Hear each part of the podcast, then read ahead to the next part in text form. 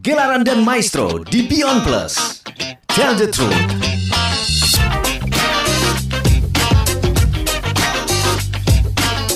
Halo sahabat musik, apa kabar? Saya Heru Cahyono, tuan rumah gelaran dan maestro di Beyond Plus. Ya, kali ini saya akan membahas tentang revolusi musik pop ala lomba cipta lagu remaja. Nah, ini dimulai di era 70-an ya, di mana pada saat itu uh, musik pop Indonesia ini dikuasai oleh grup-grup pop seperti Kus Plus, Favorit, Panbers, The Mercies, sampai Deloitte. Nah, konsep dari lagu-lagu yang mereka usung ini lama-kelamaan juga menimbulkan kejenuhan bagi sebagian masyarakat musik di Indonesia. Mereka berpikir ada nggak ya uh, sesuatu yang bisa dilakukan untuk memancing generasi muda mereka bisa berkarya menciptakan lagu yang memiliki warna yang berbeda. Sehingga muncullah beberapa ide, salah satunya adalah Lomba Cipta Lagu Remaja yang dicetuskan pada saat itu oleh sebuah stasiun radio, yaitu Radio Prambors, di mana kompetisi ini bertujuan untuk menggali potensi para anak muda di dalam e, membuat sebuah karya dalam bentuk lagu. Nah, ajang kompetisi ini sebenarnya ingin mendobrak e, industri musik pop yang saat itu cenderung memihak kepada sisi komersial saja. Akhirnya musik pop cenderung uh, ya itu itu sajalah. Hampir tidak ada terobosan baru. Nah, melalui ajang ini, lomba cipta lagu remaja, ini akhirnya memunculkan karya-karya yang berbeda dari karya-karya sebelumnya dan juga memunculkan pencipta lagu-pencipta lagu yang uh, bisa dikatakan pencipta lagu yang baru, yang penuh dengan inovasi dan lainnya dan mereka juga tidak berpihak pada sisi komersial saja. Nah, di tahun 1977 mulailah lomba cipta lagu remaja yang berhasil menobatkan lagu Kemelut karya Junaidi Salat sebagai juara satu dan Lilin-Lilin Kecil karya James F. Sundah yang terpilih sebagai lagu yang paling banyak disukai pendengar dengan istilah pada saat itu lagu yang hits gitu ya karena diputar di stasiun radio jadi lagu pilihan uh, banyak masyarakat musik pada saat itu. Nah, dari deretan 10 pemenang Lomba Cipta Lagu Remaja di tahun 1977 ada beberapa lagu yang diciptakan oleh kelompok vokal SMA 3 Jakarta. Yang satu itu berada di kawasan Setiabudi ya. Eh, masing-masing lagu yang berjudul Akhir Sebuah Opera, eh, lagu berjudul Angin dan lagu yang berjudul Di Malam Kala Sang Sukma Datang.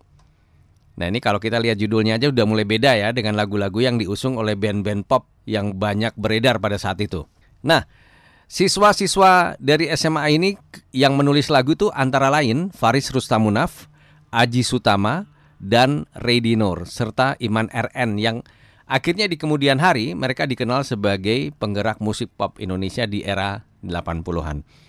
Sementara pada Lomba Cipta Lagu Remaja di tahun 1978 ada salah satu karya dari Chris Kaihatu dan Tommy WS yang sudah almarhum yaitu Hayal.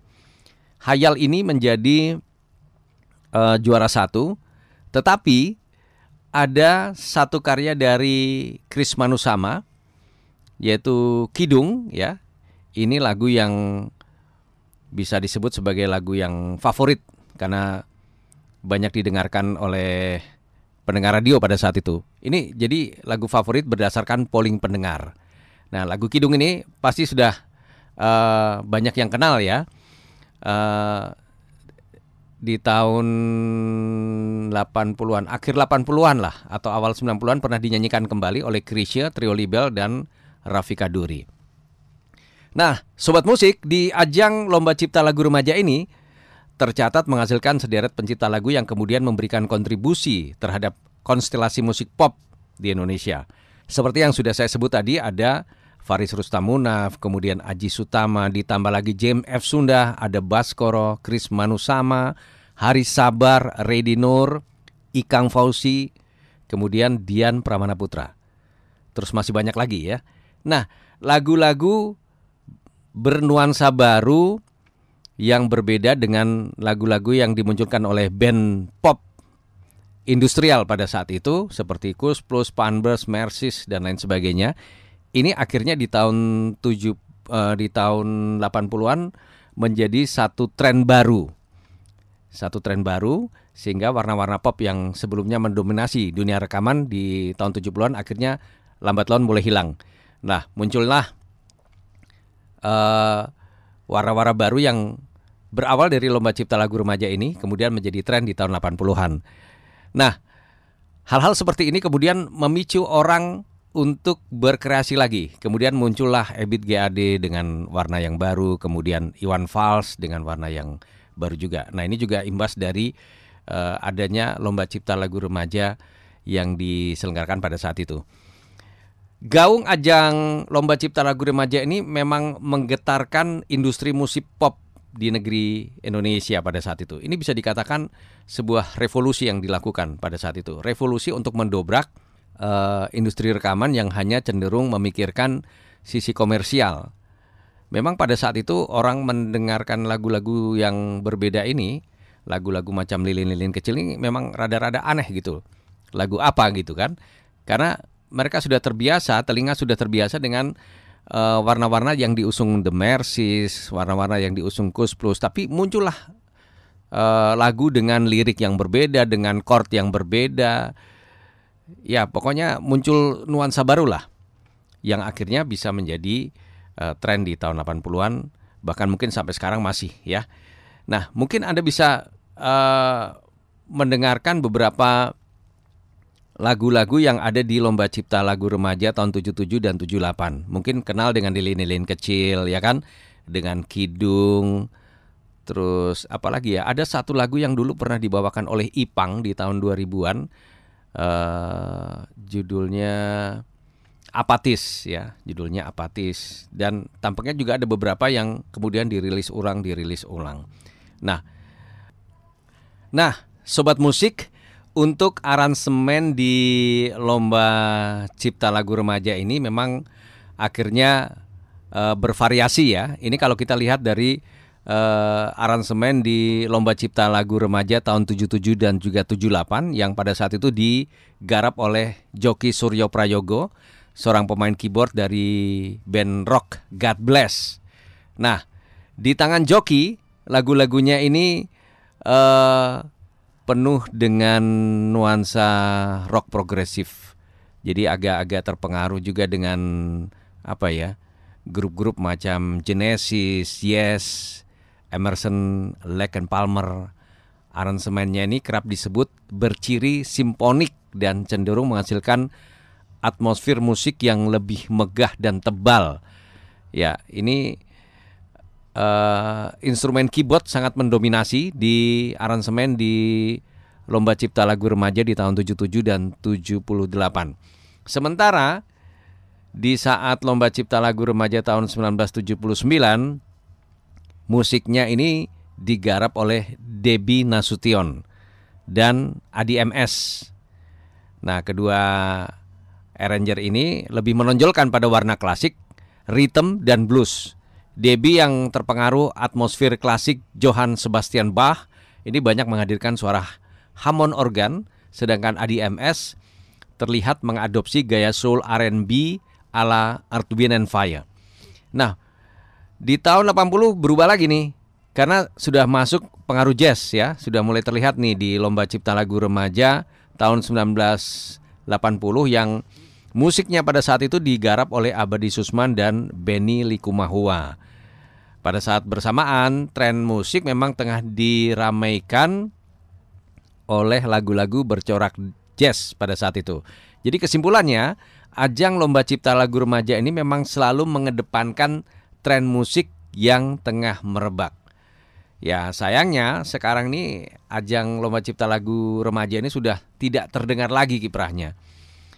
Ya mungkin salah satu penyebabnya adalah pergeseran zaman ya, di mana eh, anak-anak muda sekarang sudah tidak begitu tergantung lagi pada ajang-ajang kompetisi semacam ini untuk menembus industri rekaman.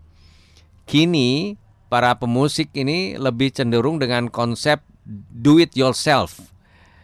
Kemudian muncullah indie label indie label secara indie, secara mandiri. Ini sangat banyak sekali muncul komunitas-komunitas indie yang mereka bisa melakukan apa saja, menulis lagu apa saja, memproduksi dan mengedarkannya sendiri bahkan tanpa uh, mendapatkan tekanan atau diatur-atur oleh label. Bahkan dengan teknologi yang kian berkembang, anak-anak sekarang ini uh, lebih mampu memperkenalkan musik mereka melalui wadah semacam uh, MySpace, YouTube, ya, Spotify dan masih banyak lagi. Tapi uh, jujur nih ya, lagu-lagu dari ajang lomba cipta lagu remaja sampai kini pun ini masih terdengar di mana-mana. Entah lilin-lilin kecil yang saya sampaikan, kidung, khayal, apatis, ya, menepis bayang kasih, menepis bayang kasih lagunya Rita Effendi ini ada di lomba cipta lagu remaja tahun 90 ini menepis bayang kasih ini diciptakan oleh Isur Mokhtar. Dia seorang anggota dari P Project ya. Jadi dia masuk uh, 10 besar lagunya Menepis Bayang Kasih di Lomba Cipta Lagu Remaja tahun 90 yang dinyanyikan oleh Rita Effendi. Jadi kalau kita lihat uh, kembali lagi ke sejarah dari Lomba Cipta Lagu. Ini ada lomba cipta uh, kalau yang lomba cipta lagu remaja dari stasiun radio Prambors. Ini dimulai dari tahun 77 sampai 96 ya sekitar 96 lah. Nah, selain lomba cipta lagu remaja banyak juga ada festival lagu populer yang uh, diselenggarakan oleh pihak lain. Misalnya festival lagu populer yang Kemudian eh, di tahun 85 itu juaranya kalau nggak salah eh, Burung Camar ya yang dinyanyikan sama eh, Vina Panduwinata. Kemudian ada Festival Lagu Populer tahun 87 itu ada Sesaat Kau Hadir, ada Dalam Kegelapannya Hari Mukti. Kemudian ada Pijar yang dinyanyikan Niki Astria itu yang di tahun 87.